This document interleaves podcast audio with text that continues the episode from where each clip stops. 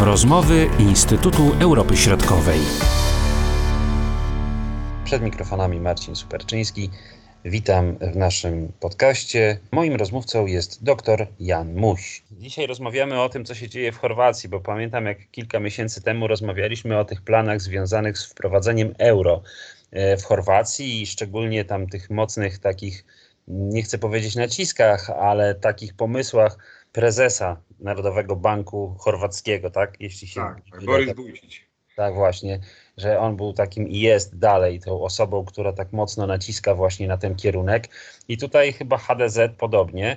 Natomiast okazuje się, że nie wszystkim Chorwatom jest y, po drodze z tym pomysłem, pomimo tego, że przecież euro jest bardzo rozpowszechnione, można powiedzieć, w samej Chorwacji w czasie wakacyjnym, to doskonale wiemy, jak to wygląda. Pod hasłem Ratujmy chorwacką kunę skupiają się właśnie ci, którzy sprzeciwiają się wprowadzeniu euro jako tej wiodącej waluty w Chorwacji. Na jakie poparcie mogą liczyć właśnie te środowiska i kim one są?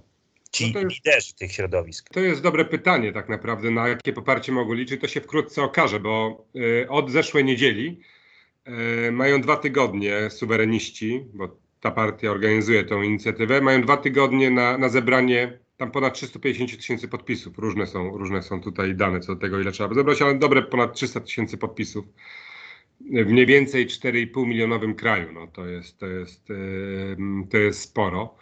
Przy czym muszą zebrać więcej podpisów niż wszystkie te partie, które się zjednoczyły w ramach suwerenistów, zebrały czasie ostatnich y, wyborów lokalnych, które się odbyły tam kilka miesięcy temu. W związku z tym ta inicjatywa no, musi się wzbić na, na, na, na wyżyny swoich umiejętności organizacyjnych. I mm, tutaj trzeba zaznaczyć, że to jest inicjatywa z prawej strony sceny politycznej. To nie są jeszcze związki zawodowe lewicowe, z którymi ja wcześniej byłem w kontakcie, które też się sprzeciwiają wprowadzeniu euro. To jest inicjatywa y, środowisk prawicowych, mocno prawicowych. I to są takie środowiska prawicowe na prawo od HDZ. HDZ, które jest bardziej prawicowe w nazwie, można powiedzieć, niż w tym swoim emblemacie, niż niż, niż, niż rzeczywistości. Tak, bo an, rząd Andrzeja Plenkowicza jest najbardziej, można powiedzieć, europejskim rządem od czasów niepodległej Chorwacji od 1991 roku. Jest bardzo ukierunkowany na Unię Europejską, jest bardzo y, y, ukierunkowany na integrację europejską. W taki sposób to bezkrytyczny, można powiedzieć, do tego podchodzi, do, do integracji europejskiej. I to nie mówię tu o jakimś eurosceptycyzmie, tylko potrzeba czasami wziąć oddech, y, jeden krok wstecz i, i, i spojrzeć na, na, na poszczególne aspekty integracji europejskiej z nieco innej perspektywy. I tutaj mamy Andrzeja Plenkowicza, który w tandemie tak naprawdę funkcjonuje z Borisem Wójciciem z Chorwackiego Banku Narodowego. Ci dwaj przywódcy tutaj prą w kierunku tego, żeby Chorwacja w 2023 roku weszła do strefy Schengen. To ich sporo kosztowało tej wysiłku tego fiskalnego, można powiedzieć. Sporo wysiłku dyplomatycznego i politycznego, żeby przekonać strefę euro do tego, że Chorwacja jest gotowa do wejścia, bo to jest też polityczna decyzja koniec końców. To można spełnić kryteria, tak jak Macedonia spełniła kryteria, żeby rozpocząć negocjacje Albania, ale okazało się, że jednak nie. E, więc to wejście do strefy e, euro, podobnie jak wejście do strefy Schengen przez Chorwację, no jest tutaj tym takim e, gwoździem w polityce zagranicznej, czy głównym punktem w polityce zagranicznej Chorwacji. I teraz widz polega na tym, że stosunkowo duża część społeczeństwa jest przeciwko wejściu Chorwacji do strefy euro. A jeszcze więcej jest przeciwko wejściu do strefy euro teraz już zaraz w 2023 roku. Tylko podkreślają, że są za przystąpieniem do strefy euro, kiedy Chorwacja będzie gotowa. Za, za 5, za 10 lat. Ale skąd te obawy są? Dlaczego obawy, obawy teraz, znaczy, najważniejsze, za 10? Najważniejsze obawy są takie, na, najwięcej Chorwatów y, y, obawia się, że wszystko podrożeje i te argumenty są zbijane jakby a priori przez Chorwacki Bank Narodowy. Ten Chorwacki Bank Narodowy przeprowadził, czy zlecił przeprowadzenie sondaży opinii publicznej i z tych sondaży wyszło, że y, Chorwaci obawiają się, że właśnie wszystko, wszystko podrożeje.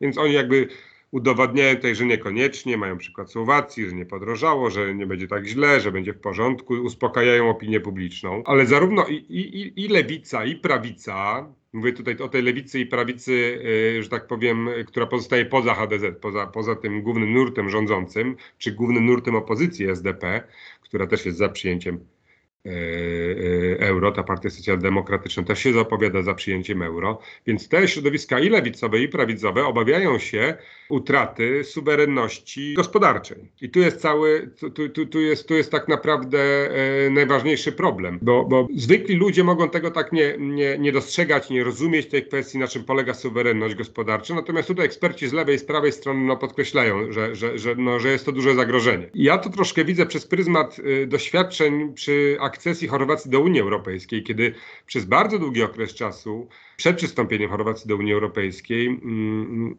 również istniała y, mm, duży odsetek y, Chorwatów, ponad 40%, zbliżało się do 50%, którzy byli przeciwko akcesji. I Obecnie jest podobnie, że rząd się obudzi w ostatnim momencie i nagle przeprowadzi jakąś silną kampanię informacyjną, która będzie miała na celu e, przekonanie tych eurosceptyków do, do właśnie do przyjęcia wspólnej europejskiej waluty. Ale, ale jakby też nie, nie, nie w tym do końca rzecz, bo biorąc pod uwagę, że mamy około powiedzmy 40% osób, które są przeciwne wejściu do strefy euro, no to jest duży potencjał polityczny. Tak, tutaj mówimy o tych osobach, które y, też są tymi niezdecydowanymi, jeśli chodzi o swoje preferencje wyborcze, to w, w nich może tkwić ten potencjał tych właśnie sceptyków co do wprowadzenia euro i tu jest się o kogo bić, można powiedzieć. Tak jest. Tak jest, ponieważ te partie, one są drobne, które zjednoczyły się w ramach partii chorwaccy suwereniści.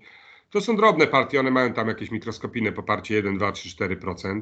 E, Natomiast, mm, ale bardziej 1, bardziej koło 1%. Natomiast mamy sytuację, w której obawy 40% społeczeństwa nie zostały zaadresowane w żaden sposób przez partie powiedzmy mainstreamowe. Tutaj suwereniści no, liczą na to, że im te słupki poparcia podskoczą po prostu wyraźnie. A jeśli chodzi o samo referendum, czy ono musi się odbyć, czy ono może się odbyć? To jest, może się, może się odbyć. Nawet jeżeli zbiorą poparcie, to jest kwestia referendum jest bardzo otwarta, ale referendum jest tylko jakby jednym z problemów, po, ponieważ jeżeli rozpocznie się debata na ten temat, nawet jeżeli suwereniści nie zbiorą podpisów, to nawet je- jeżeli się rozpocznie poważna debata, głośna debata na ten temat, no to rząd będzie musiał się opowiedzieć.